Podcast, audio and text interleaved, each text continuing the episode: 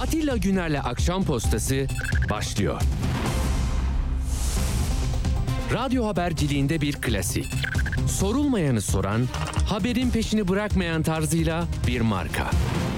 Atilla Güner'le Akşam Postası, gündeme damga vuran konu ve konuklarla hafta içi her akşam 17'de Radyo Sputnik'te. Akşam postasından hepinize iyi akşamlar efendim. Hoş geldiniz. Evet bugün 27 Nisan ve bugün Türkiye nükleer tesis statüsü elde etmek üzere bir adım attı. Bunu ayrıntılarıyla saat 18'de Uğur Koçbaş çalıştı. Bize anlatacak. Şimdi e, Mersin Akkuyu'daki tören nedeniyle Erdoğan'ın yeniden e, sağlık durumunu kontrol etmek üzere belki dikkatlice baktı vatandaşı.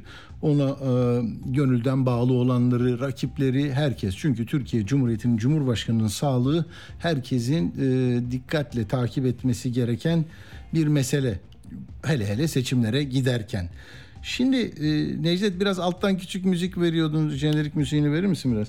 Şimdi burada e, şu var. Ben baktığımda Erdoğan tabii işte Türk bayraklarıyla çevrili bir odada canlı bağlantı yapacak video e, bağlantısıyla törende bu görünüyor. E, önce iki fotoğraf verildi. Putin'le bir görüşmesi sırasında çekilen iki kare fotoğraf. İşte Hakan Fidan'ı görüyoruz orada e, Milli İstihbarat Teşkilatı'nın başından e, orada da e, niye orada bilmiyorum. Hemen yanında Fuat Oktay var, Hasan Doğan var, bir de mütercim var.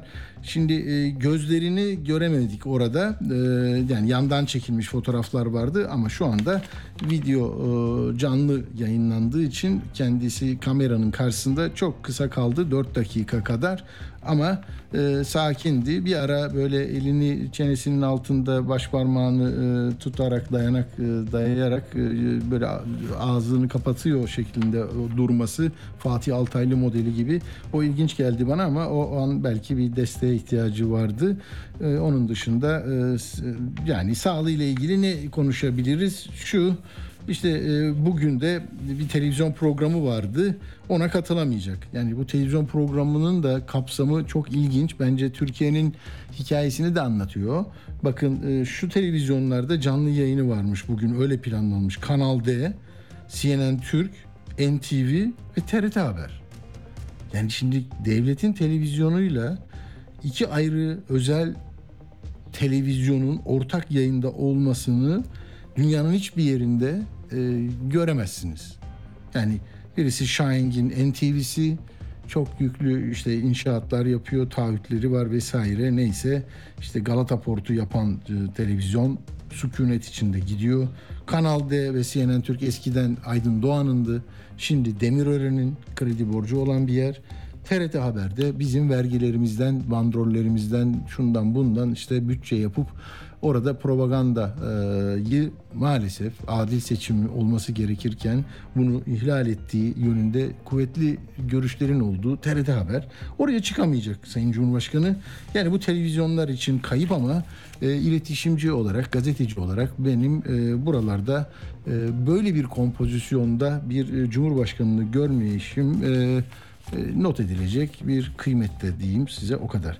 Sağlık Bakanı da Erdoğan'ın e, hastalığının ne olduğunu söyledi. Gastroenterit. Enterit.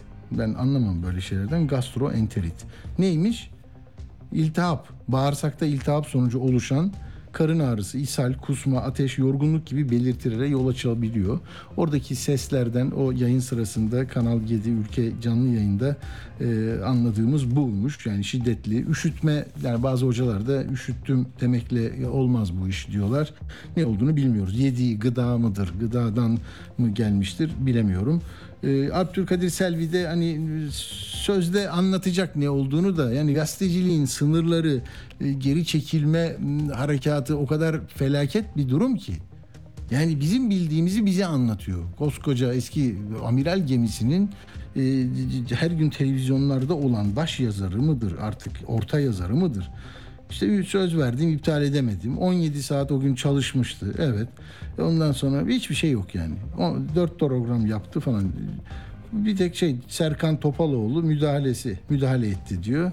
Yayına ya ne diyorsun kardeşim ne? Ne oldu? Yani o sırada ne nasıl düştü mü? Kenarı mı geldi? Koltuk mu devrildi? O ses neydi? Ne var yani? Seni e, sen haber verme özgürlüğün var. Kırıcı olma, etme ama bir şey oldu orada. Yani neyse. Yani hayır bunu da gazetecilik faaliyeti gibi söyleyince yani şefine versen şefin bunu almaz yani bu yazıyı git git der ya. Git gide üç kişiye sor bir profesöre sor. Oradaki dört gazeteci değil mi onlarla konuş falan der yani. Neyse tamam şimdi e, böyle e, tabii şeyi söylemek lazım. Bu tören sırasında şimdi nükleer tesisin e, Akkuyu'nun e, ilk nükleer yakıtının gelişi yani bu daha faaliyete geçme değil. Yakıt geliyor Moskova'dan bir uçakla geliyor emniyetli bir şekilde oraya götürülüyor. Uğur çalışıyor e, anlatır size. Şimdi burada şey var. Bahçeli'yi hemen Erdoğan e, bu video canlı bağlantı yapılacak ya kameranın karşısında yanında da Bahçeli var. Hemen böyle oturuşuna göre kendi solunda. Bahçeli'nin yanına da bir tane büyük böyle sehpamsı bir şey koymuşlar. Onun e, yani bölüyor yanındakini. Onun yanındaki de Büyük Birlik Partisi Başkanı. Sonra bir tane daha küçük sehpa koymuşlar. Orada da DSP lideri Aksakal var. Yani e, diğerleri yok mesela. Erbakan yok. İşte e, çünkü DSP liderinin pozisyonu şey gibi değil mi? Hüdapar gibi. Ama yok Hüdapar gelmesin bir de burada mı görünsün? Erbakan o da yok. Onlar da böyle. Ee, peki. Yani Hüdapar bizim şey, hiçbir şeyimiz değil. Biz onlarla bir şey yapmıyoruz diyorlar ya bu ara. Sen sus demişler. Sevilay Yılman da yazdı ya. Yani Hüdapar'ın getirisinden çok götürüsü olur lafını kim söylemişti önce bilmiyorum ama o lafın e, hayatın içinde e, böyle etiyle kemiğiyle canlandığını görüyoruz.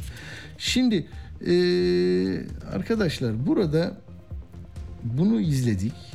Ben buradan nereye gideceğim biliyor musunuz? Bazen akışı böyle kendi kendime bir şeyler yapıyorum. Uğur da diyor ki akışı yaptık ama abi diyor sen diyor yine gidiyorsun diyor. Gidiyorum abi. Şimdi bak nükleer nükleer yakıtın gelişi var.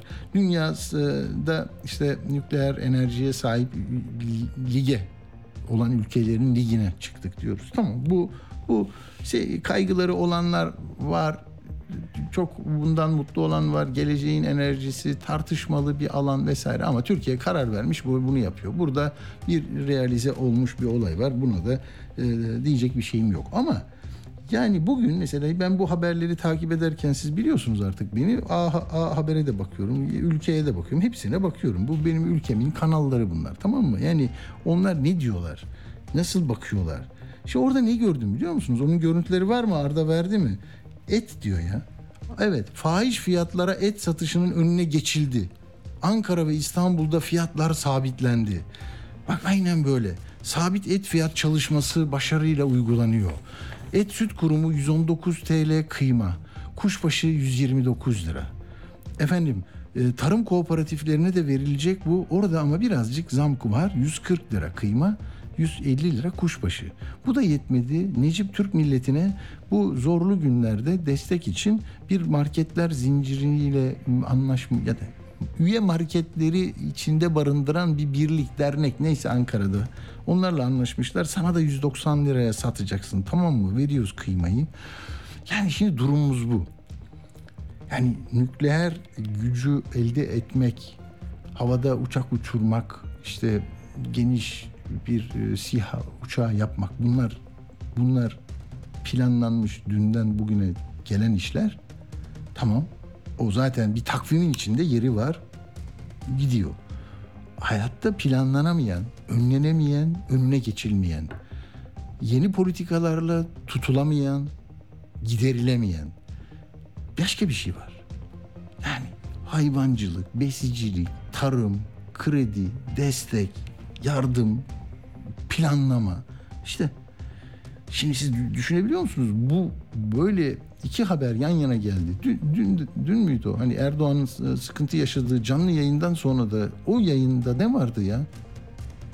Bir, bir, bir hurma 10 lira yüzde 200 arttı diye haber vardı. Canlı yayın bitti o çıktı. Çünkü bak hayatın bir tarafıyla ilgilenirsen e, bunun yapay ve zorlama bir şey olduğu konusunda bir kuşkuya kapılabilirsin. Bence toplumda böyle bir şey var. Ya iyi tamam bunlar güzel şeyler. Hani toklar arada çıkıyor işte çıkıyor 3 kişi kullanıyor 5 kişi kullanıyor ama 2025'e kadar bu olacak. İşte bu faaliyete geçecek. Bu gaz oraya gelecek.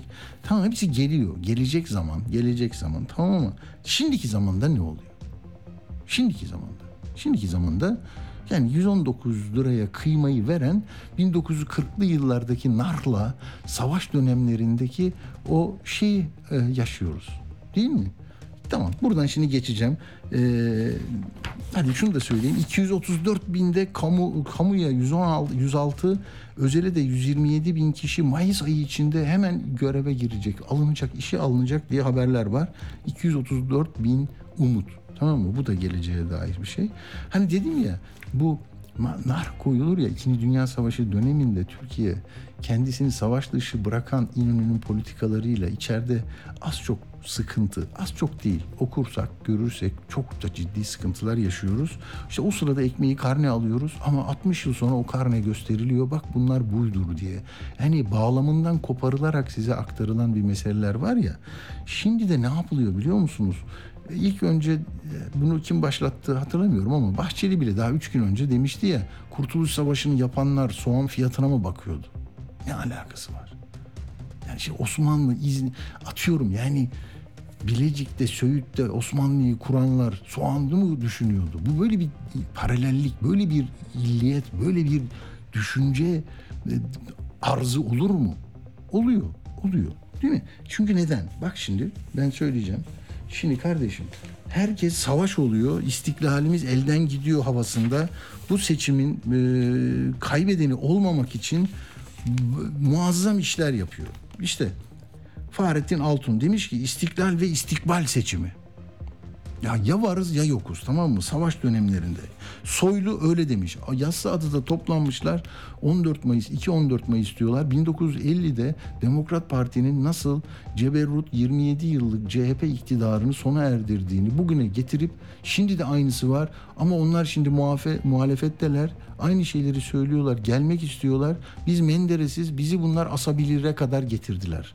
Hakikaten bakın Soylu'nun o kısacık şeyini söyleyeyim ya. 27 Mayıs olabilir diyor. Şöyle dedi.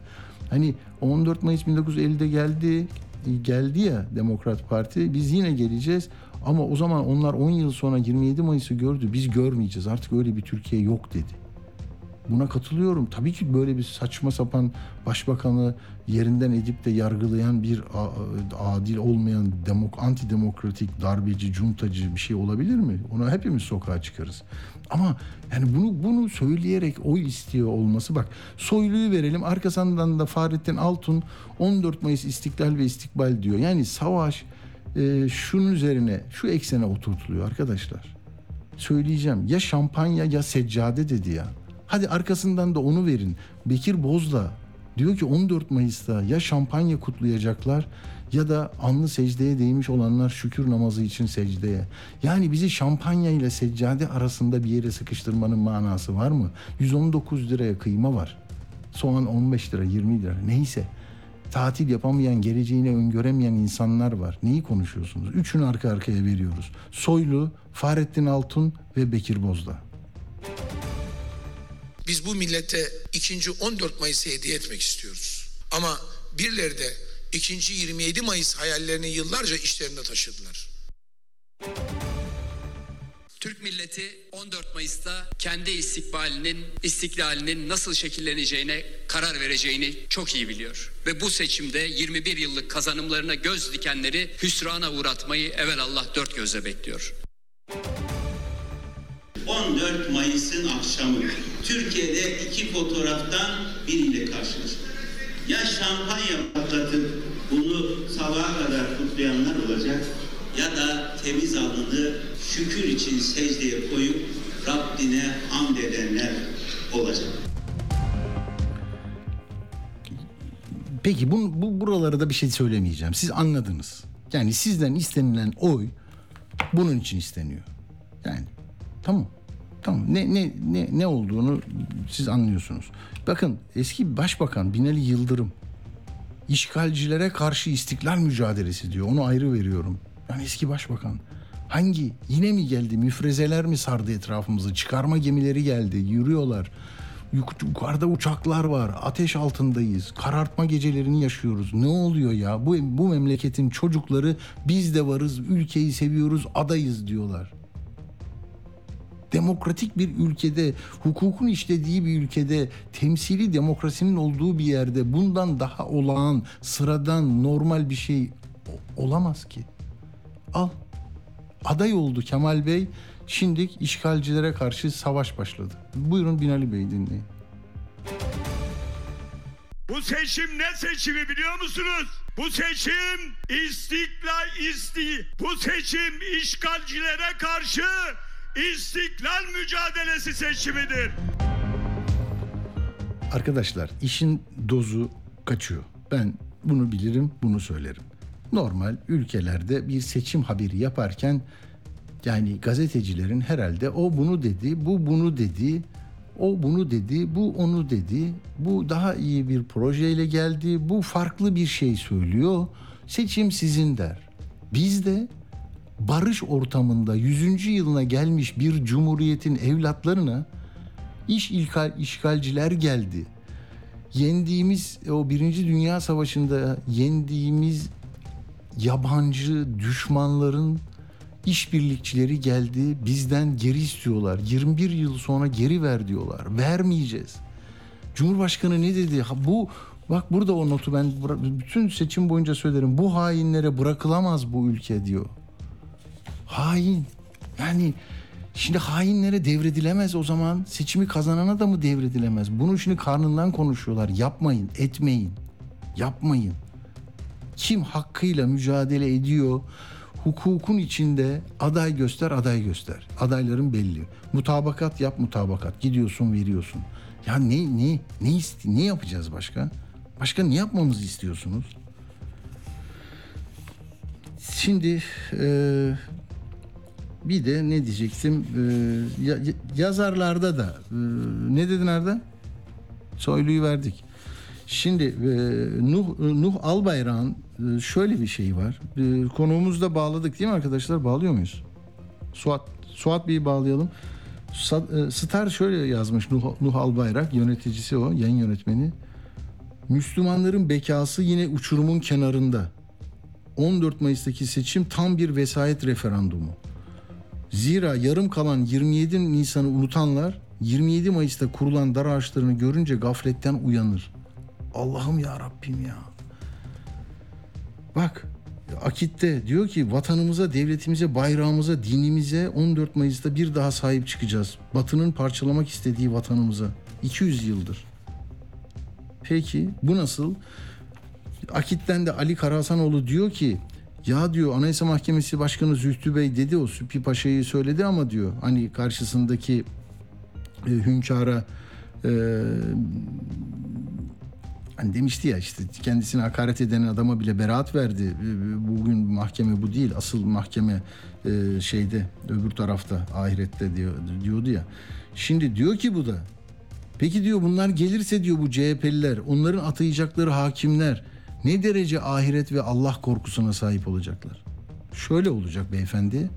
Türkiye Cumhuriyeti kanunu, medeni kanunu, anayasası bizim birlikte bir toplum olarak sözleşme yaptığımız kurallar içinde kalacaklar. Onların inançlarının ne kuvvetle olursa olsun ne olduğunu biz bilmeyeceğiz. Ama biz göz göre göre tahliye edilen bir insanı cezaevi kapısından çeken iradeye ya da bir yıl sonra istinafta beraat eden birisini beraat ettiği günün akşamı evinden kelepçeyle alınmayacak bir anayasal hukuk devleti isteyeceğiz. Bu da yetecek zaten. Diğerleri çok inançlı insanlara saygıyı bir an bile tereddütsüz e, kötülemeden, küçümsemeden onların kendi değerleriyle birleşik, bütünleşik e, hayatlarına da saygıyı ihmal etmeyeceğiz. Ama bize kimse şampanya patlatan kutlayacaklardan saymasın.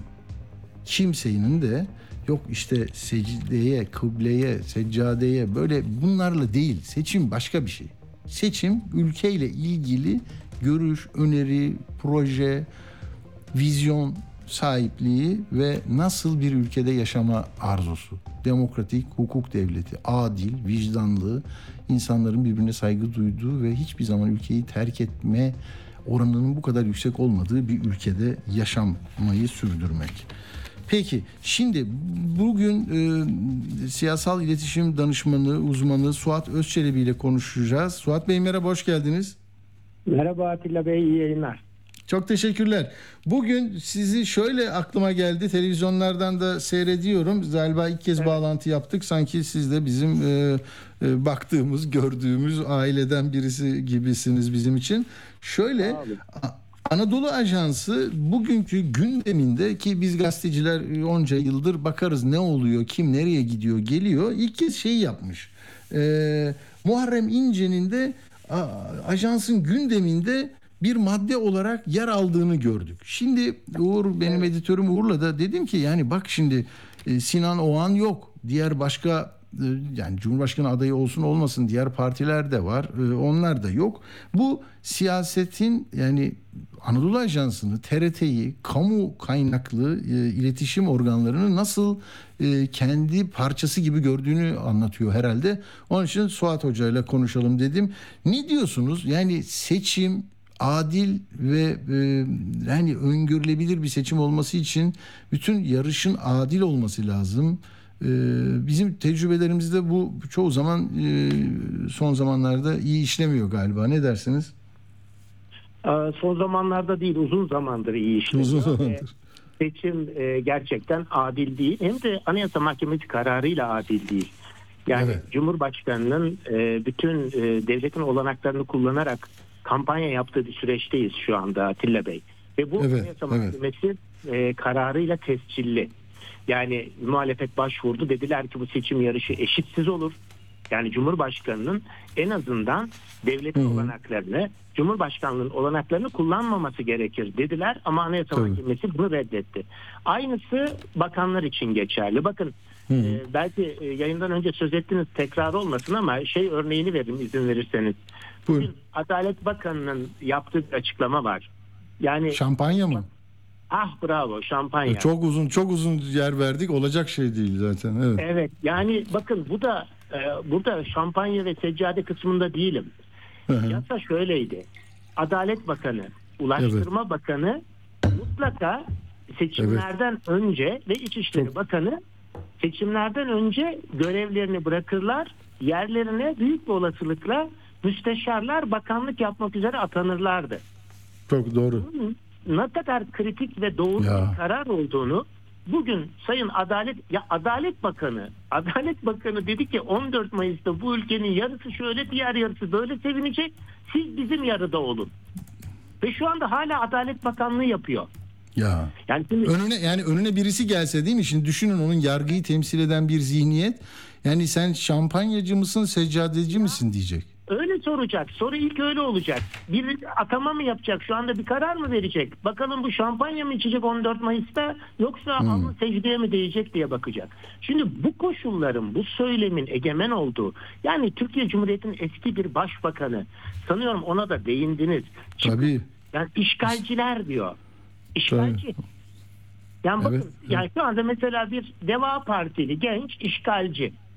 E, Saadet Partili e, yıllardır sadece alnı secdeye değen Saadet Partili işgalci.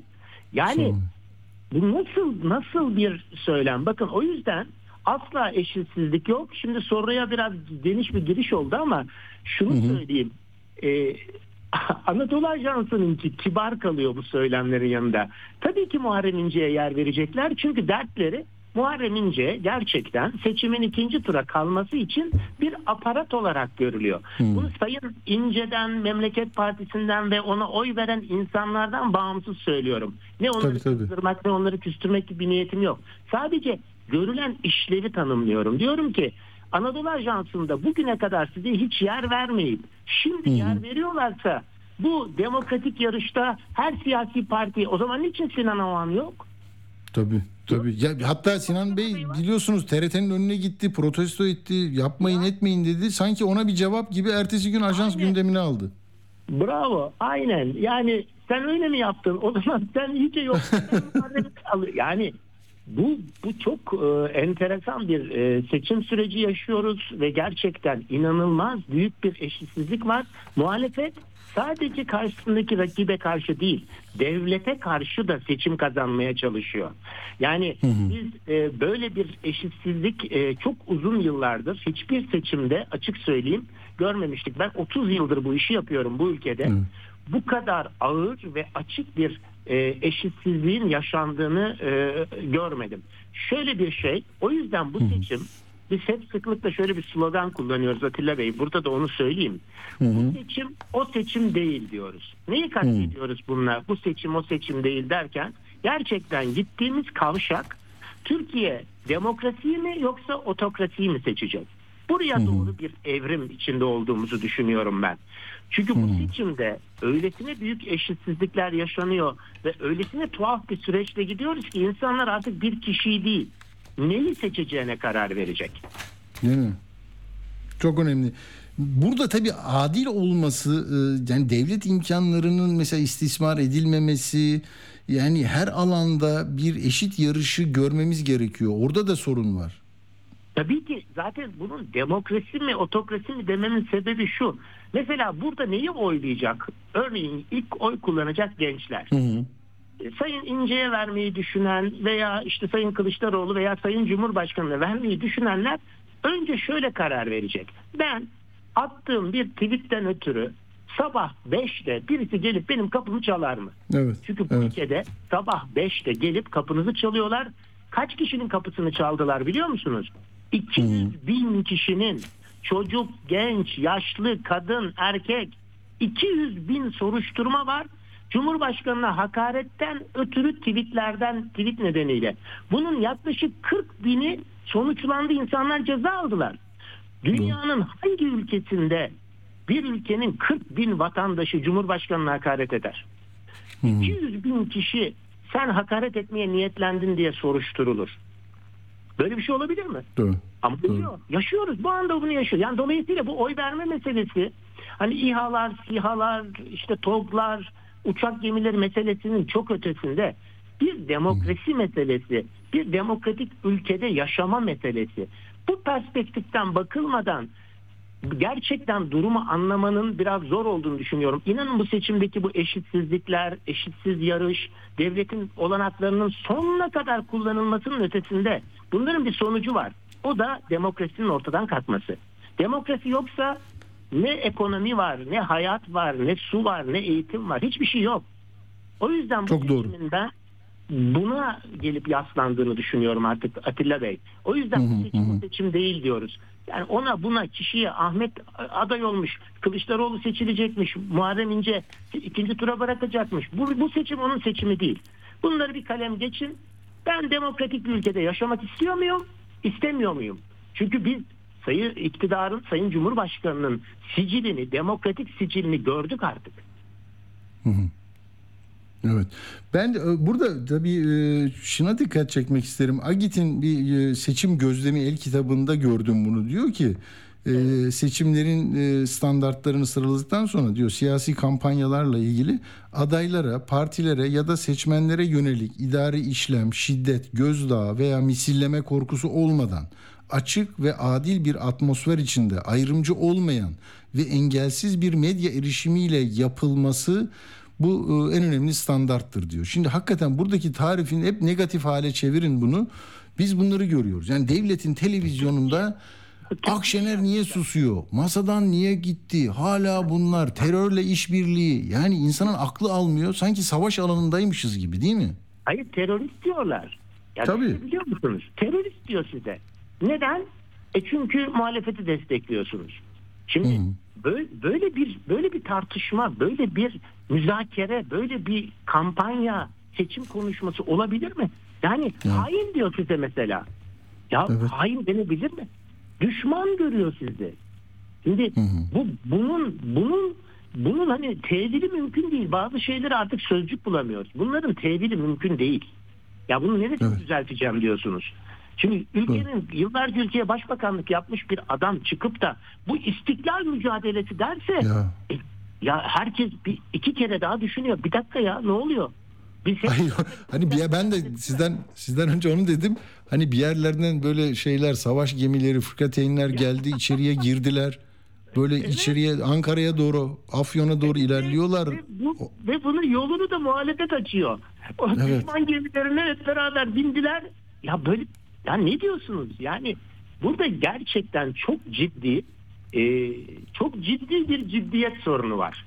Hmm. Yani burada artık bunun bu seviyede hani tartışmanın siyasal söylemin tartışmanın bu kadar kutuplaştırıcı, bu kadar ötekileştirici, bu kadar ayrımcı bir dile saplanması inanın bu ilk defa oy kullanacak gençleri de ben illallah dedirtmeye çalıştıklarını düşünüyorum. Yani alın seçiminizi de demokrasinizi de diyecek durumuna getiriyorlar gençleri. Ya böyle seçim olur mu? Siz ne diyorsunuz?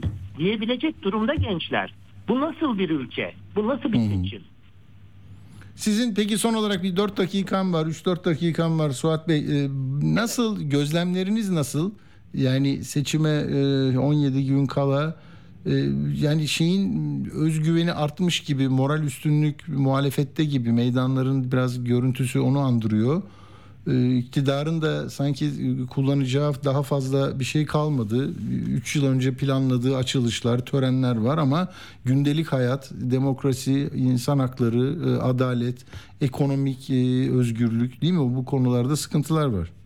Çok ciddi sıkıntılar var ve bunların hiçbirini gideremediği için biz işte bu düşmanlaştırıcı ve olabildiğince kutuplaştırıcı ve gündemi bununla kaplayan yani biz bunları konuştuğumuzda tabii ki konuşmalıyız ama aslında iktidarın istediği bir şey de yapıyoruz. Bunları konuşalım.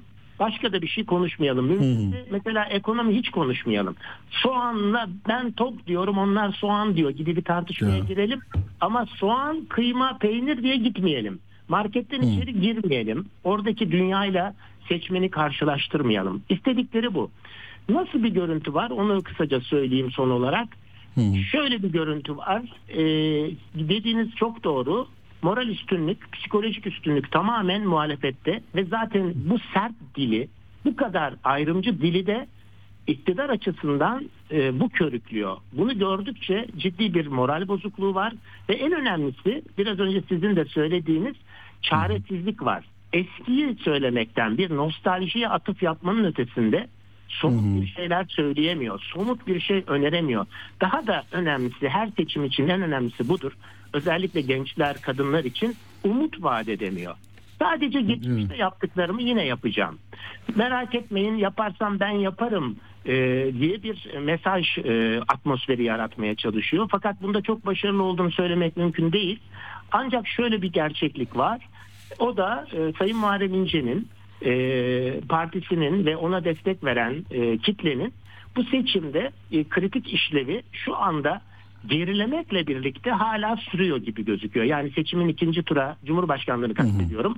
Kalması açısından böyle bir kritik işlev var. Fakat ben açıkçası orada da e, kendi kanaatim bu işin ne olursa olsun birinci turda sonuçlanacağı yönünde. O ne olursa olsun da kastettiğim şu biz ona bandwagon effect deriz.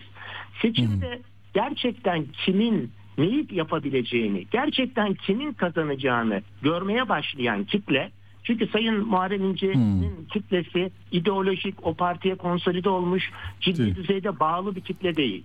Tepkisel biraz da değil mi? Böyle şu ya da bu nedenle. Çok ciddi bir tepki oyu var. O tepki oyuna sahip gençler, o seçmen kitlesi gerçekte değişimi kimin yapabileceğini görürlerse değişim nerede? Ben çünkü o kitlenin biz Sayın Cumhurbaşkanı'na oy vermeyeceğini biliyoruz. Sayın Cumhurbaşkanı'nın değişmesini isteyen bir kitle o. Muharrem İnce'nin bunu değil.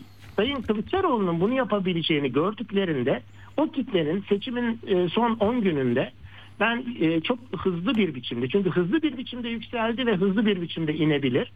E, ben Sayın e, Kılıçdaroğlu'na doğru yönleneceğini e, ve o hedefe doğru ulaşan trenin son vagonuna atlayıp o trende o da olmak isteyecek diye düşünüyorum. Şu anda e, görüntü Sayın Kılıçdaroğlu'nun bunu başarabileceği o duygusal bağı, o coşkuyu şu anda seçmende yaratmış görünüyor. Tabii çok sıkı bir çalışma yapmaları lazım. Mesele sadece e, sosyal medyayla, videolarla olabilecek değil. Miting alanları da yeterli değil. Tabii. Sokakta ev ev dolaşılması gerekiyor Atilla Bey. Bu hiçbir zaman Türkiye'de seçim kampanyaları bir sosyal medya kampanyası, bir konvansiyonel medya kampanyası olarak e, sürdürülemez ve buradan başarı gelmez. Sokakta seçmene bireysel dokunulması gerekiyor. Şu anda işte olabildiğince sahadalar. Sandıklara da sahip çıkmayı başarabilirlerse, yani seçim güvenliği konusundaki taahhütlerini yerine getirebilirlerse e, bu seçimin birinci turda bitmemesi için hiçbir sebep yok. Peki Can Selçuk'i de zaten şimdi arkadaşım Uğur uyardı beni. O da e, İnce'nin e, aşağı doğru bir seyir izlediğini e, belirtmiş. Son araştırma diyor. Bu da önemli. Çok teşekkür ediyoruz katılımınız için. Suat Özçelebi katkı sundunuz bize. Sağ olun. Sağ olun. İyi yayınlar diliyorum. Çok teşekkürler. Evet meydanlara bir dönelim. Bir 5 dakika sonra Almanya'ya bağlanacağız. Çünkü yurt dışındaki seçmenler artık oy kullanmaya başladı.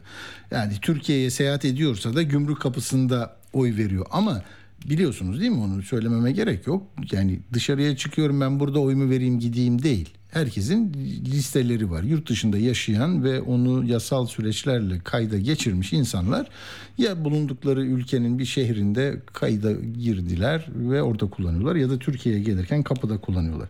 3 milyon 416 bin kişiden söz ediyoruz. 3 milyon 416 bin 98 ve bunların ilk kez oy kullanılacakları 277 bin 646. Bu kadarla yetineyim ama 11 ülkenin nüfusundan fazla olduğunu söyleyeyim. Yani öyle bir ülkenin evladısınız ki bak Litvanya, Arnavutluk, Makedonya, Slovenya, Letonya, Kosova, Estonya, Karadağ, Lüksemburg, Malta yani bun, bunların 11'i de bizim yurt dışında bulunan seçmenlerimizin sayısından az ülke koca bir ülke. Ülkeyiz yani biz. Peki şimdi e, buna sonra geleceğimi söyledim. Çünkü Almanya'ya bağlanacağız. Orada bir galiba Alman e, yönetiminin de hükümetinin de bazı uygulamaları var. Daraltmış bir talebi yerine getirmemiş tartışma var. Anlayacağız onu. Cuma Bey'e bağlanacağız. Ben şimdi eksik kalan birkaç şeyi hemen tamamlayayım izninizle. O da şu. Efendim Şimdi e, bu bugün ne oldu? E, kim nereye gitti? Dur bir dakika bir notum vardı benim.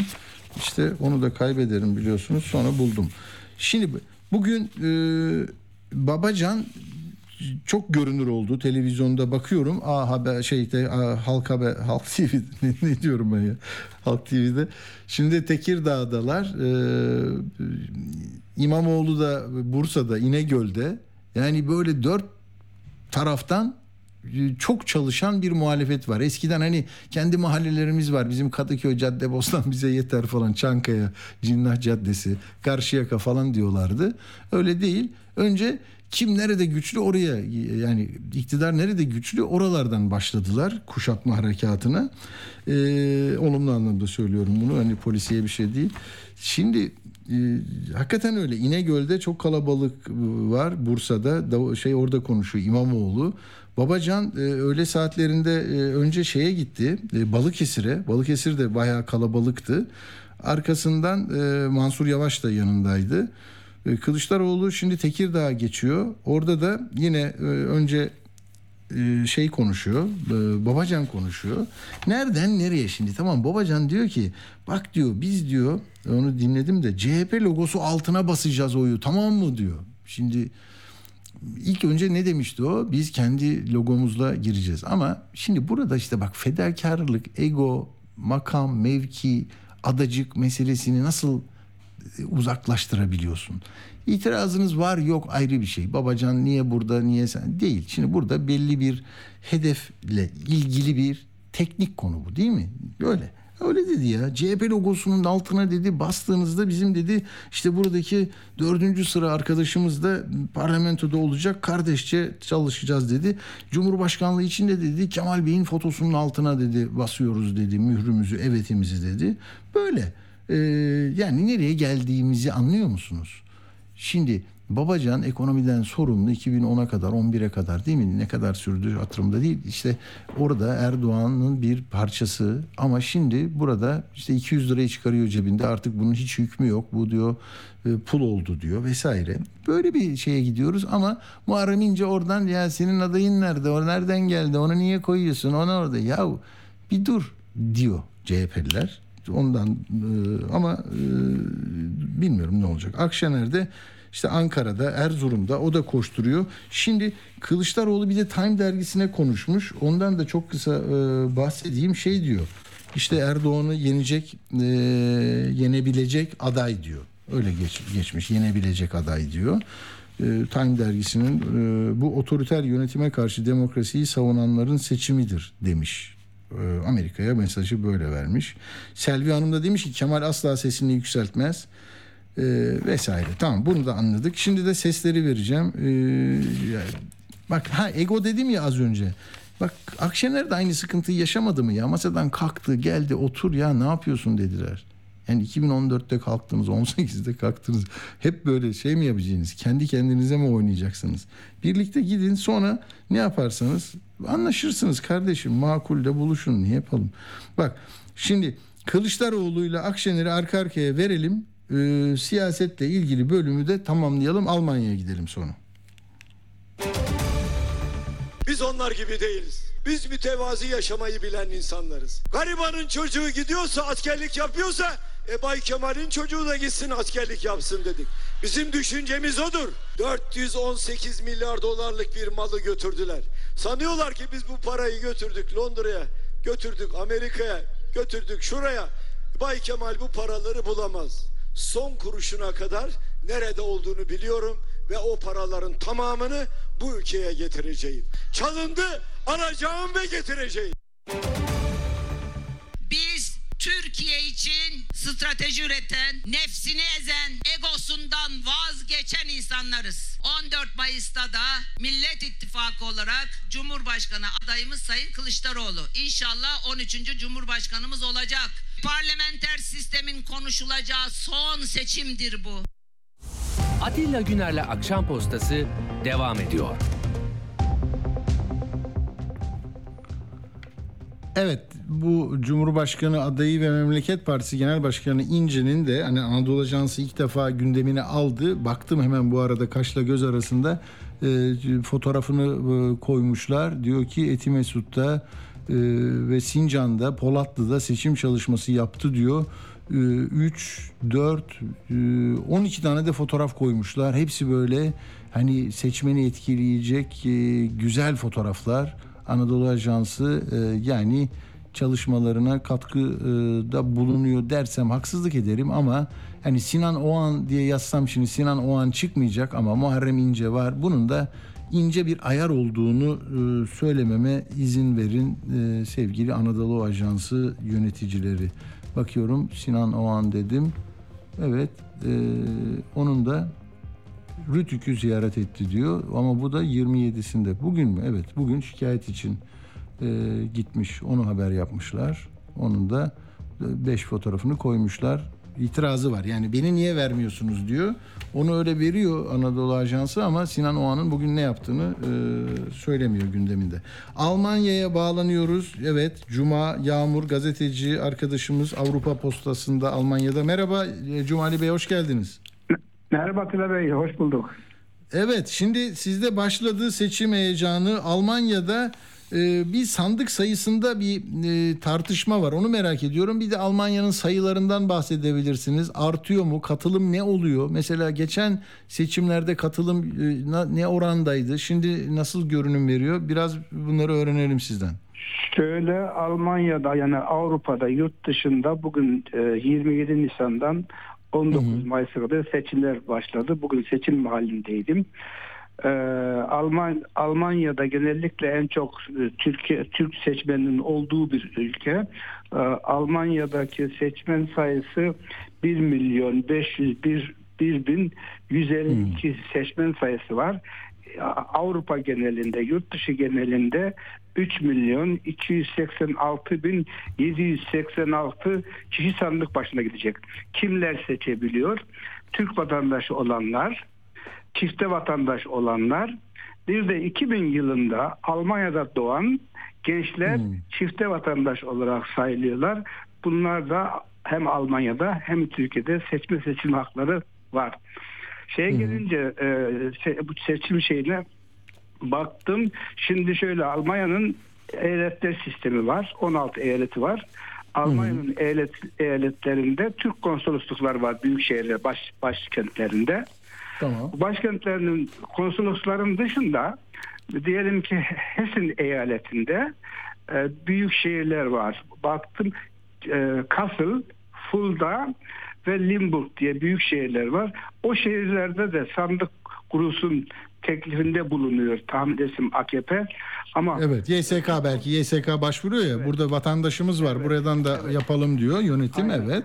Bunun bunun siyasi bir şeyi yok. Sadece o büyük şehirlerde e, Türkiye e, konsoloslukları bu yükün altında kalamazlar. Tahmin Hmm. edersem AKP e, Türkiye'de memur göndermek istiyor seçimi şey yapmak için. Tabii, öyle bir gözetmemiz. şey var. şey yapmak için. Bundan dolayı da Alman hükümeti e, eyaletlerde konsolosluğun olduğu yerlerde konsolosluk bundan sorumlu. Yurt dışında sorumlu konsolostur. Böylece Ha diğer yerlerde yapamazsın diyor. Yani sen 16 yer iste, 13 yer istedin değil mi? Üçüne onay vereceğim diyor. var tabii. Çünkü Hessen Hessen dediğim şey e, bir eyalet. Hessen eyaletinde Frankfurt Frankfurt'ta konsolos var. E, Ki Kassel'da, e, Fulda'da, Limburg'da ka- Orada yok anladım. Ben Bremen'e ve ne diyor? Bremen ve Regensburg'a vermiş. Ahen'e vermiş. 16 sandığınız var yani. Evet, Bremen e, şey, bu Niedersachsen yani aşağı Sakson eyaletine biraz uzak. Bremen Evet. Hamburg'la aşağı Sakson arasında olduğu için Bremen Tamam. Bremen halkına bir sandık verildi evet. Anladım. Peki ben şimdi e, sabahleyin çalışmıştı e, editör arkadaşımız Uğur Koçbaş'ta. Geçen 2018'de Almanya'daki katılım %45.7 olmuş. Yani yarısından az gitmiş seçmen. Bu kez böyle mi olur yine bu seçim yoksa daha çok katılım olur mu? Ne görüyorsunuz? Bu sene bu sene partiler biraz daha fazla çalıştılar. İşte seçim e, şeyle AKP ile diğer muhalefet arasında muhalefet de birleştiği için belki bu sene biraz yüksek, fazla yüksek olmayabilir ama belki geçen senelere rağmen bu sene biraz yüksek olacağını tahmin ediyorum. Bu tahmin şey. Ha, Çünkü partiler partiler iyi çalışma yaptılar yurt dışında. Nasıl oldu mesela kim yaptı? Eskiden Erdoğan da giderdi ona izin verilmiyor. Şimdi kim geliyor konuşuyor? Kesinlikle şöyle, şöyle. Partilerin burada Almanya'da e, temsilcileri var, Tamam. dernekleri var. Bu derneklerde dernek başkanları, partilerin e, üyeleri seçim kampanyası yapıyor. Bu kampanya meydanlarda değil, sadece Salonlarda. Oluyor. Çünkü evet, e, çünkü Salon toplantısı oluyor mu Cumali Bey? Samo- salonda böyle Salon hani toplantısı oluyor, oluyor ama Hı. Türkiye'den siyasi şey gelmiyor. Genellikle konuşmalar dikkat etmek gerekiyor. kendileri yapıyor. Almanya'da şey AKP temsilcisi veya bir bir milletvekili e, bir camide PKK'lılarla FETÖ'cüleri öldürün çağrısında bulunmuş. Bundan dolayı da İçişler Bakanı ve Dışişler Bakanı bir deklarasyon yayınladılar. Kesinlikle Türkiye'deki seçim atmosferini Almanya'ya getirmeyen Almanya sivil bir toplum anlayışındayız. Bu şekilde buradaki Tabii hatta şey var değil mi? 3 ay kala propaganda yasağı getirmişti kampanyaya. Tabii.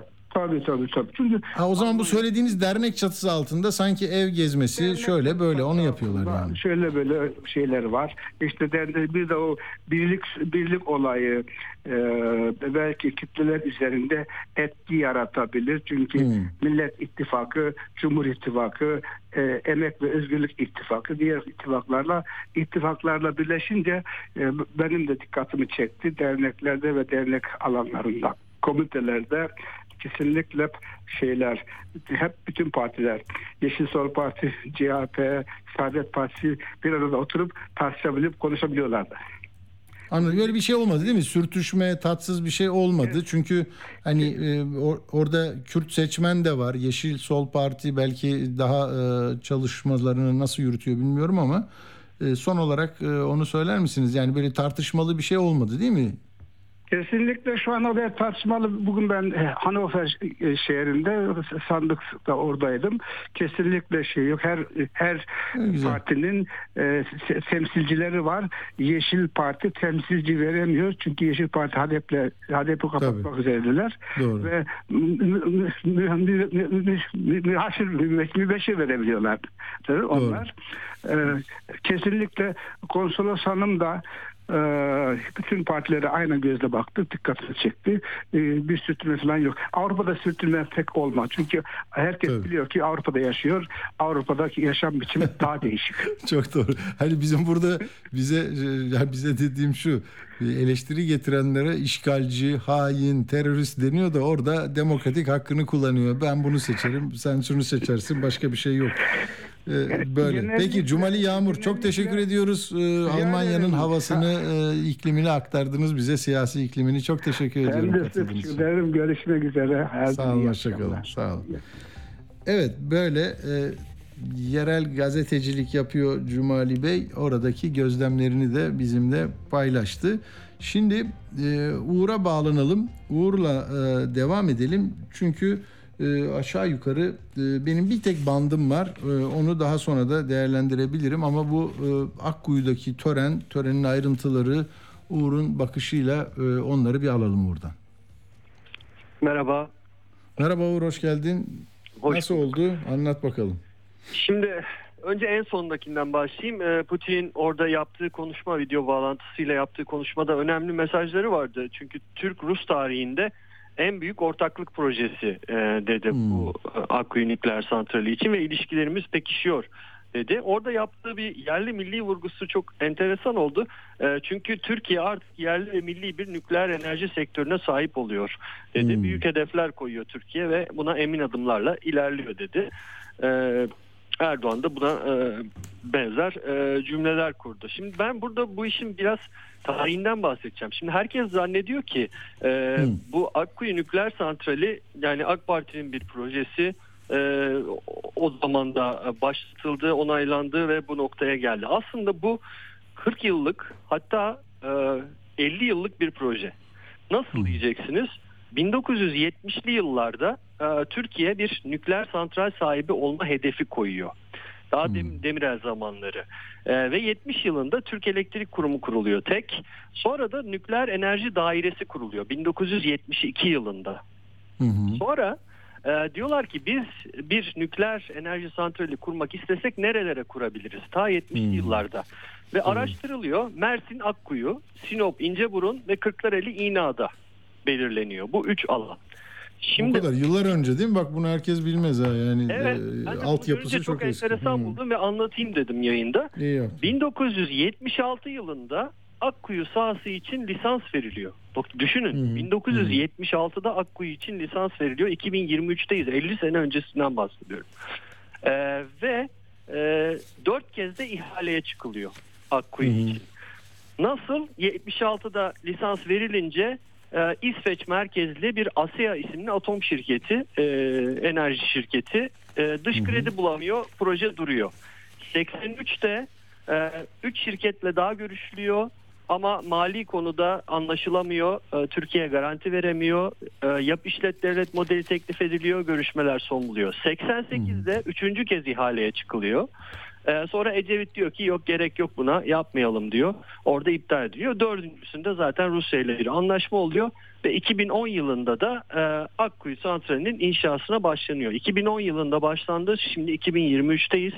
4 reaktör e, birinin inşası e, bugün işte e, tamamlandı gibi yakıt geldi ve enerji üretimine de önümüzdeki sene başlanmış olacak. Bugün itibariyle yakıtın gelmesiyle birlikte nükleer santral statüsüne kavuşmuş oldu. Zaten Uluslararası Atom Enerjisi Başkanı da e, buradaydı. O da çıktı kürsüye bir konuşma yaptı.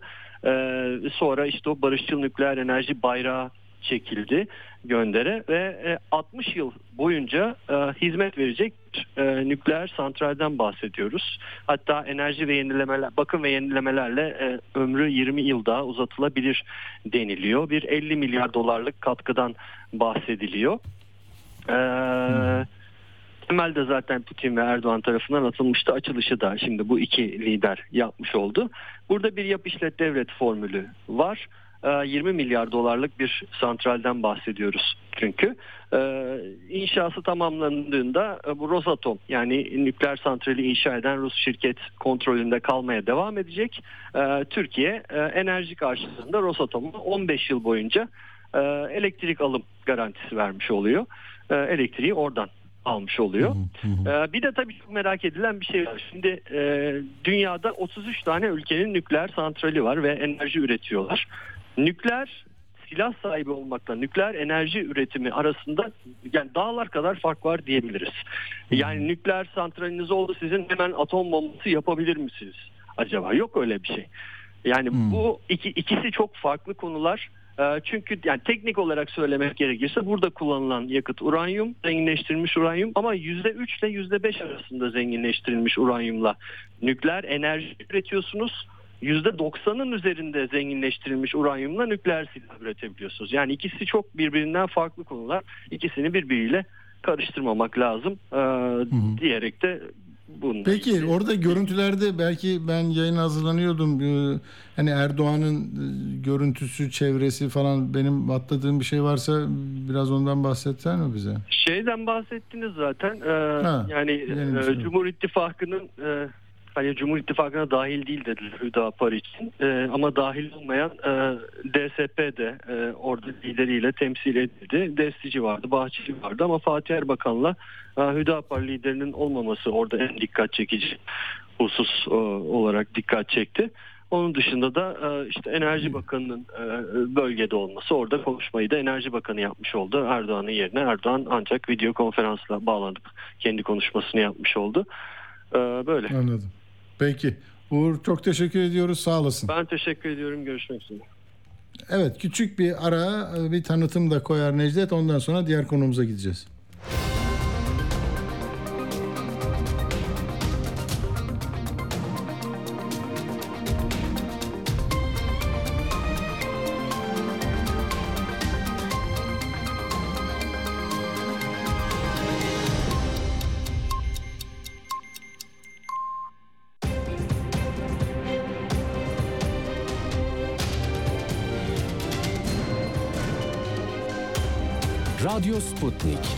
Anlatılmayanları anlatıyoruz. Türkiye'nin dört bir yanından vatandaşın sesine kulak verdik. Çok bir tedirgin olduk. Biz bu topraklarda doğduk. Bu topraklarda ölmek istiyoruz oğlum. Dertlerine ortak olduk, mutluluklarını paylaştık. Nereye gidiyoruz? Aydın'a. Hangi ilçeye? Germencik. Hangi köye? Daha yeni köy. Ayşe Ustam'la konuşmuştuk. Tekrar konuşacağız. Merhaba Ayşe Hanım. Merhaba, merhaba. Ben bir şeyler duydum. Doğru mu? Gözünüz aydın öyleyse. Sağ ol, sağ ol. Çok sevindik. Şu anda sevinip dururuz.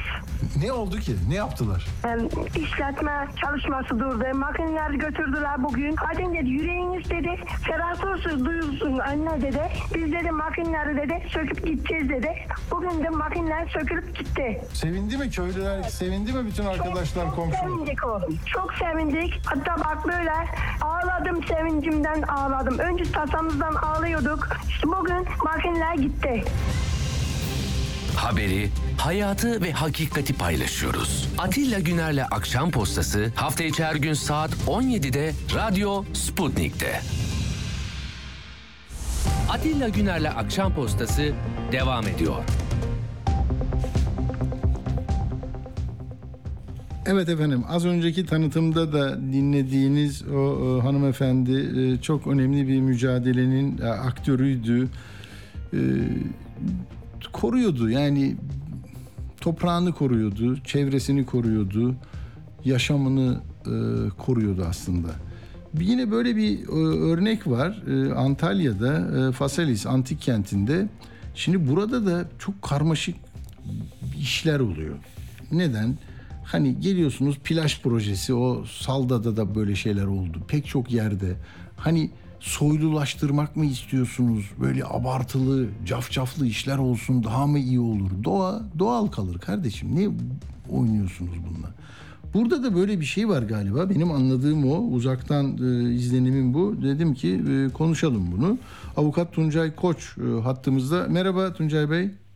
Merhabalar, iyi yayınlar diliyorum. Çok teşekkürler. Önce adım adım e, gidelim. Yani burası gerçekten bir doğa harikası. Çok e, korunması bir yer ve orada bir proje var. Kim yapar projeyi? Kimin projesiymiş bu?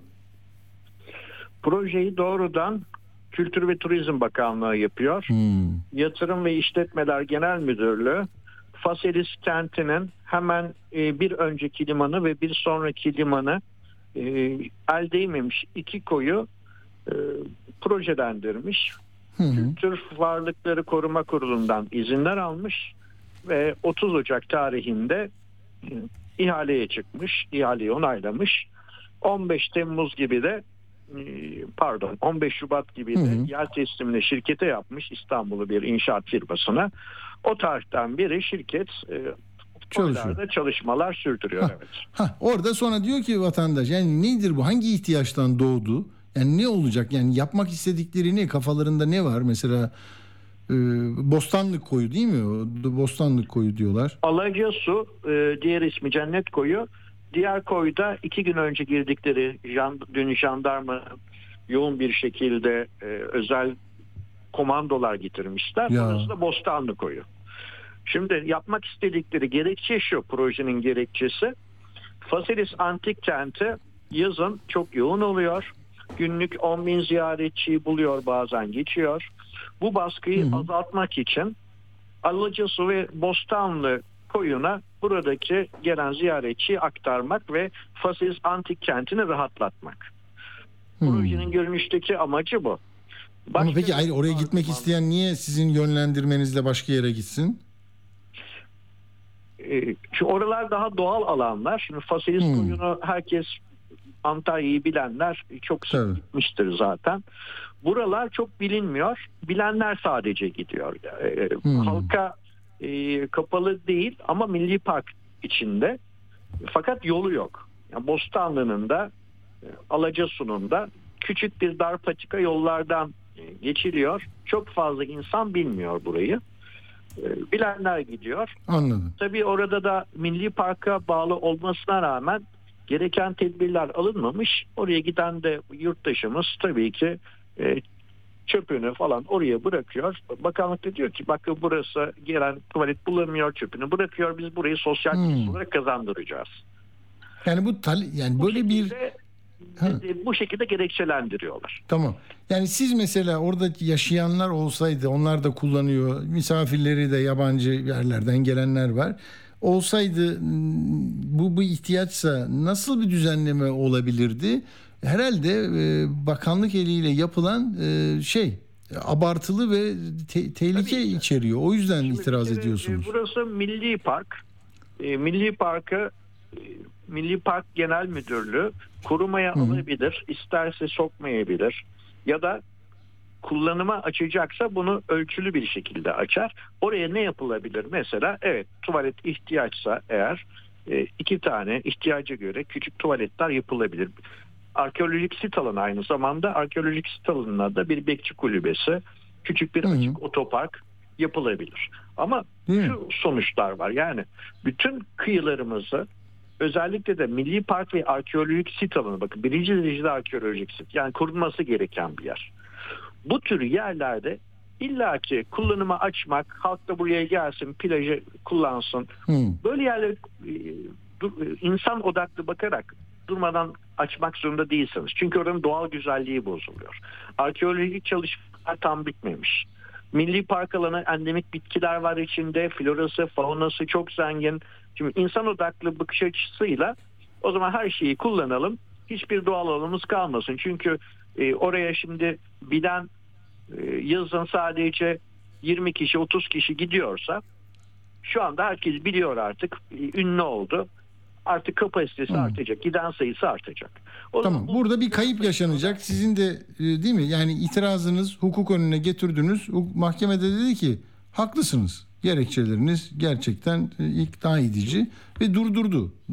Değil mi? Buraya kadar Evet, mahkemenin e, yürütmeyi durdurma kararı geçici bir karar. Diyor ki burada Hı. plaj e, günübirlik tesis yapıldığında alanda geri dönüşü imkansız zararlar doğabilir. Çünkü projeye verilmiş, ihale yapılmış. Dolayısıyla ben keşif yapana kadar, oradan Tabii. kişilerden bir rapor alana kadar burayı geçici olarak yürütmesini durduruyorum. Çünkü alanın tahrip olacağı zaten olduğu belli. Fotoğraflar, videolar var. Mahkeme dosyasında da var. Bir mahkeme buna karar verdi. Fakat alanda revize edilmiş başka kararlar da var. Biz onları da dava açtık. Onlarda e, henüz karar çıkmış değil. Bekliyoruz. Fakat ilk kök karara yürütmeyi durdurma kararı verdi mahkeme. Dolayısıyla şu anda o yaptıkları ihalenin de bir geçerliği yok, meşruluğu yok.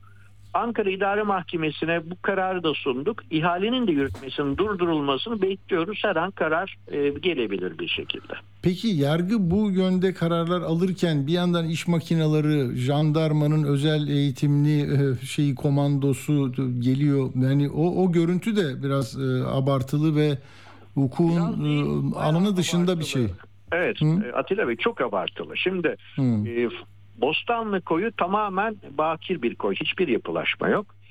E, geçen hafta küçük oraya bazı malzemeler taşıdılar. Fakat pazartesi günü oraya iş makinesi sokuyorlar. E, büyük iş araçları sokuyorlar.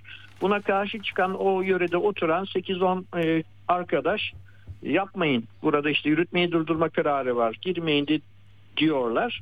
E, Normal jandarma var. Engelliyor jandarma ama dün komando getiriyorlar. Ya Yani neyi kimden koruyorsunuz? Komando ne için? Orada bir silahlı çatışma mı var? Yani tüfekle bildiğiniz komando e, getirmişler. Fotoğraflardan, kayıtlardan belli elimizde var e, o belgeler. E, burada Kültür ve Turizm Bakanlığı'nın çok hoyratça bir girişim olduğu çok açık. Bu projeyi bayrama kadar yetiştireceğim dediler ama gelen tepkiler üzerine yetiştiremediler. Çünkü mesela ilk e, yapılan e, projede kıyı kenar çizgisi üstünde 200 metrekarelik bir beton dökmüşlerdi. Kıyı kenar çizgisinin içinde bunu yapamazsınız. Zaten arkeolojik sit alanına da beton dökemezsiniz. Gelen tepkiler üzerine bu sefer bunu kaldırdılar. Mesela dün Bostanlı'ya e, gidilmiş. Arkadaşlarımız orada ölçtü. Dün tuvalet projesi yaklaşık 48 metrekarelik bir tuvalet duş bölümü yapılmış. Bugün ise alanı genişletmişler. 60 metrekare yapılmış. Ortada nasıl bir proje var? Bu bile belli değil. Proje 3 kere 4 kere değişti şu ana kadar. Biz ortada net bir projenin de olmadığını el yordamıyla yapıldığını e, düşünüyoruz. Ankara'dan telefonlarla yönlendiriliyor. E, zaten ihale problemli. Tek şirket girmiş. Miktar çok büyük. Önce 23 milyon gibi bir maliyet çıkmış inşaat maliyeti. Fakat ihale edilirken 45 pardon 47 milyon artı KDV'den ihale edilmiş. Rakamlarda büyük tuhaflıklar var. Bir kere birinci derece sit, sit alanına şezlong koyamazsınız. Alana toplam 240 280 adet şezlong e, konulması öngörülüyor her iki koya. Beton dökülmesi öngörülüyor. Yani bir kere e, koruma kurulu kararı yanlış. 658 sayılı ilke kararı var arkeolojik sitleri koruyan. Burada bir beton dökümü yok. Burada restoran yok. Burada şezlong ko- ko- koyma yok. Sadece küçük büfe yapabilirsiniz. 6 metrekarelik büfe yapabilirsiniz. Tuvalet duş yapabilirsiniz. Bekçi kulübesi. Bu kadar yapacağınız işler. Oysa Anladım. burası sıradan bir plaj gibi. Ne Evet. milli park ne endemik bitki ne e, arkeolojik sit bunların hiçbirini umursamadan sıradan bir plaj muamelesi yapıyor, yapılıyor. Bakanlık burada açıkça suç işliyor. Değil mi? Burada yine gelir getirici bir faaliyeti aslında maskelemek gibi de anlıyorum ben. Bazen o güzelim saldada da bu oldu. İçmelerde e, yani çok o, özel bir yeri e, bin bin e, odalı otel yaptılar göz göre göre. Orada da yargı kararları vardı ama devam ediyor. Sonuçta böyle bir ekonomik faaliyet hani inşaat yapalım, plajlar yapalım, beton büfeler kuralım, para gelsin ama kime gelsin? Yani orada insanlar zaten mutluluğu o doğallıkta, o rafine bir halde arıyorlar. Yani orayı İstanbul'un yani biçlerine çevirmenin bir manası var mı ya? Evet, evet Bodrum biçleri. Aynen öyle. Ee, yani sıkıntı buradan başlıyor işte. Yani her doğal güzelliği paraya çevirme e, olarak gören bir anlayış var. Aslında mücadelemiz bu anlayışta. E, huk- hukuku burada kendilerine uydurmaya çalışıyorlar ama uymuyor. Bu hukuk da onlara uymuyor. Uymadığı yerde de hukuku umursamadan ben yaptım oldu mantığıyla bakıyorlar. E, alınan kararların biçimleri, ya bir, e, koruma kurulu kararı onay veren kurul üyeleri dahi neye onay verdiğini bilmiyor. Proje bir gün önce Ankara'dan geliyor. Kurul üyelerine o gece haber veriliyor. Ertesi gün 5-10 dakikalık kısa bir toplantıda hepsi onay veriyor. Gerçi bu Evet. kararlarda bütün memur, e, bütün kurul üyeleri de onay vermemiş. Daima karşı oylar olmuş. E, Olmuş. ilk kararda e, Çevre Şehircilik Bakanlığı temsilcisinin ve Orman Bakanlığı temsilcisinin karşı oyları var. E, erişemedik karar ama son kararda yine Tarım Orman Bakanlığı'nın ve Büyükşehir Belediyesi'nin karşı oyları olduğunu biliyoruz. Bilirkişi raporları nasıl e, Tuncay Bey? Yani inceleme yaptı mı bilirkişi bağımsız? Mahkeme yürütmeyi durdurma veren mahkeme keşif kararı aldı ama hen- henüz bir bağımsız Olmadı. heyet tarafından bilirkişi keşfi yapılmadı. Evet rapor gelmedi. Yapılmadı. Zaten bizim e, arkadaşlarımızın sahadaki arkadaşların bu kadar direnmesinin nedeni de bu. Davalık bir alan e, yürütmeyi durdurma da var. Mahkeme sonuçlanana kadar en azından bu bilirkişi raporları gelip de mahkeme esas hakkında bir, karar veresiye kadar bir iş, bir iş yapmayın deniyor. Bu çok açık. Tabii. Çünkü alan değerli bir alan. Yani bütün değerli alanları e, sıradan plaja çevirip e, dok- dokusunu bozup arkeolojisini, faunasını bozup e, o kadar insanı yığamazsınız. Yani Doğru, elde edeceğiniz para o geleceği yok etmeye değmez. Bunu bütün çevreciler yıllardır söylüyor. Ama iktidarın anlayışı bir türlü değişmedi. Ve hep, hele bu projede bakın e, 30 Ocak'ta ihale yapılmış. Yer teslimi 15 Şubat'ta yapılmış. 20 Şubat'ta iş makineleri Faselis'te çalışmaya başlamış o koylarda. Oysa Türkiye 6, 6 Şubat'ta büyük bir deprem geçirdi. Tabii, tabii. 50 binden fazla insanımızın hayatı e, gitti ve deprem bölgesinde iş makinesi enkaz kaldırmak için, Yok. moloz kaldırmak için iş makinesi beklerken Faselis'e iş makinesini sokuyorlar. Ya Ya. bu kadar e, Gözü gözü kara değil mi? Yani gözü dönmüş gibi sanki yani çok- buradan çok gelecek felaket.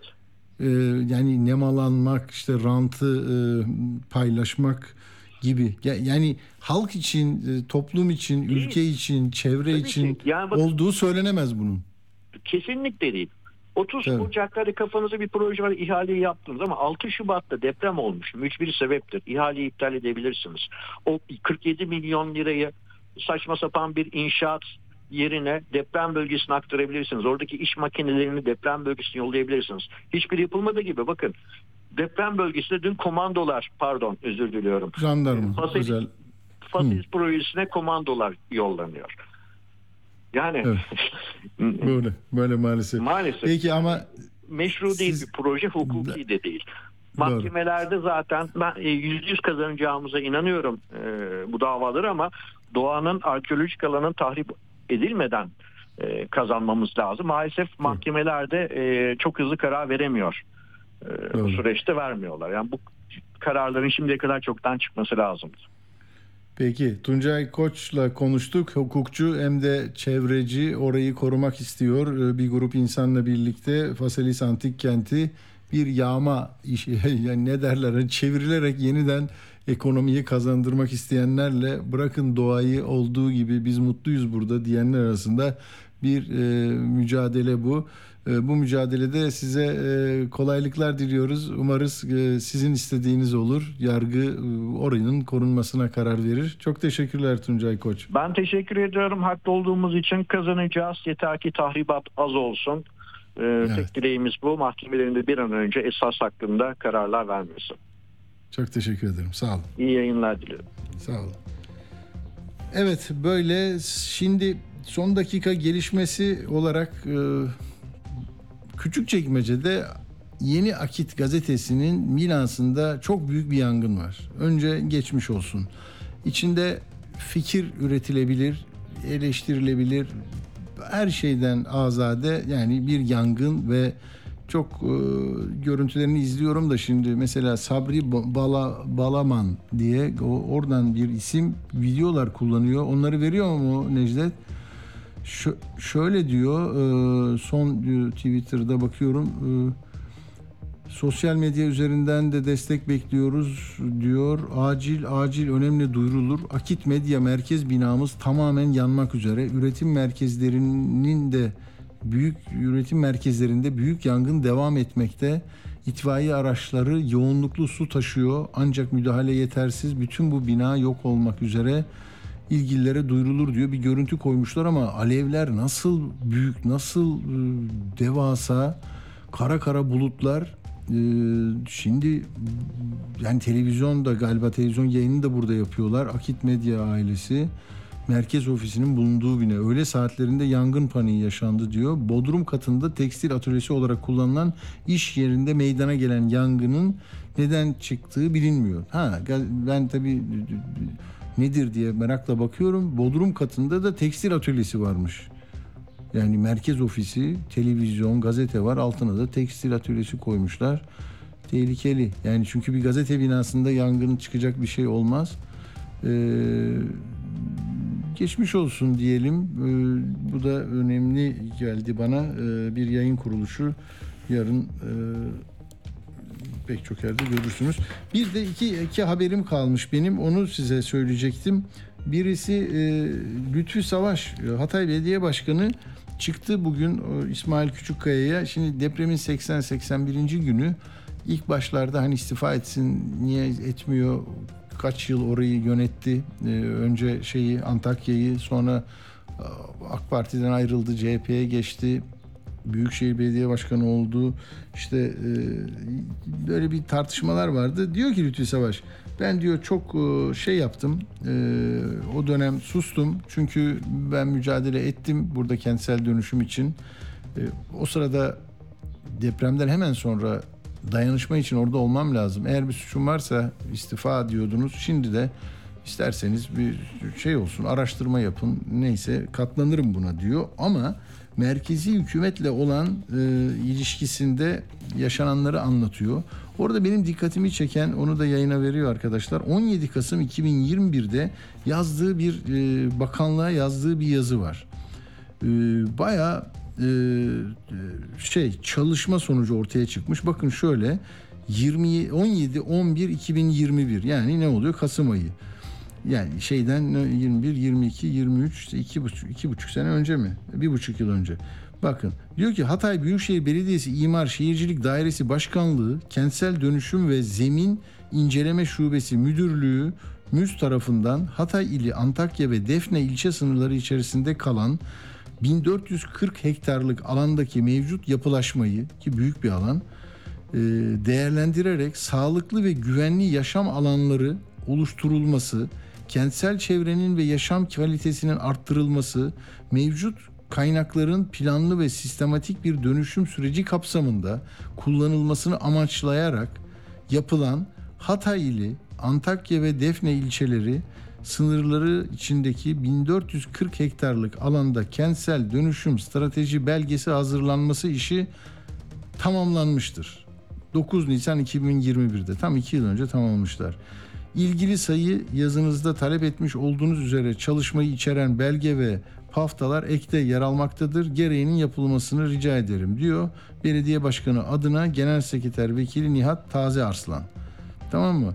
Şimdi buna ne oldu diyor peki İsmail soruyor. Cevap vermediler diyor. Ya nasıl olur cevap vermediler? Yani belli ki bir yazışma yapmışsınız. O istiyor. Sen tamam diyorsun falan. Ee, sesinden de bir kısmı izlemeyenler için kestim. Buradaki problem e, bence daha derinde. Bu hani Ankara'da adaylığı tartışılıyor. Eski Adalet Bakanı Sadullah Ergin orada oralı o. O da demişti ki yani biz de böyle bir şey denedik, yapmak istiyorduk ama burada itirazlar vardı, iyi yönetemedik. Seçim dönemlerinde yerlerinden olacak diye bunları erteledik demişti. Tamam mı? Yani siyaseti eleştirirken söyledi. A parti, B parti değil. Siyaset yani senin o açıkların, sıkıntıların varsa seni orada böyle bir mahpus haline getiriyor. Kaçak imar yapabilirsin. Tamam mı? İşte vergini ödemezsin. İşte yok kırmızı ışıkta geçersin ödemezsin beklersin. Sana af gelecek. Çünkü böyle bir ilişkiniz var. Ee, yoksulsan da sana erzak verecek. Sen daha iyi e, bir hayat şartlarına medeni bir hayatın e, onurlu bir vatandaşın e, pozisyonuna ulaşmayacaksın. Böyle bir esir alma gibi ilişki bu. Maalesef büyük ölçüde böyle şeyler oluyor. Ha, yani yapacak adam yapmaz mı ya 21 yılda 50 bin vatandaşının öleceğini biliyorsan yani deprem değil bina öldürür. Bak o fotoğraflarda görüyorsunuz böyle kaç tane bina var ayakta yandakiler yok. Ve onların hepsi yaşıyor. Ölenlerin binasını kim yaptı? Kim izin verdi? Hepsi yargılanmalı. Yine üstünden bir 300 kişi içeri aldılar. Bir kısmı bırakılmıştır zaten. Ne olduğu belli değil. Ee, şimdi e, sesini vereceğim e, Lütfü Savaş'ın ama orada beni ikna etmeyen bir şey oldu. Dedi ki bak diyor bir proje gösterdi. Bakın diyor burada diyor işte ben böyle bir şey yapmıştım. Ya toplasan hani 300 konutluk bir şey. E, niye yapmadınız diyor. E diyor geldiler buraya okul yaptılar diyor. Benim diyor işte ulaşım arkımı bilmem ne mi bozdu. Ya bu mudur yani? Geldi okul yaptı iş bozuldu. Al o tarafa götür. Nereye götürüyorsan götür. Yani Lütfü Bey burada 50 bin kişinin ölümünden tek başına ne bakanlıklar ne o ne bu herkes silsileyle sorumludur. 22 bin insanı kaybettiğiniz şehrinizde ee, başka yerde olsa şimdi ne savcılar tek tek herkesi sorguya çekerdi.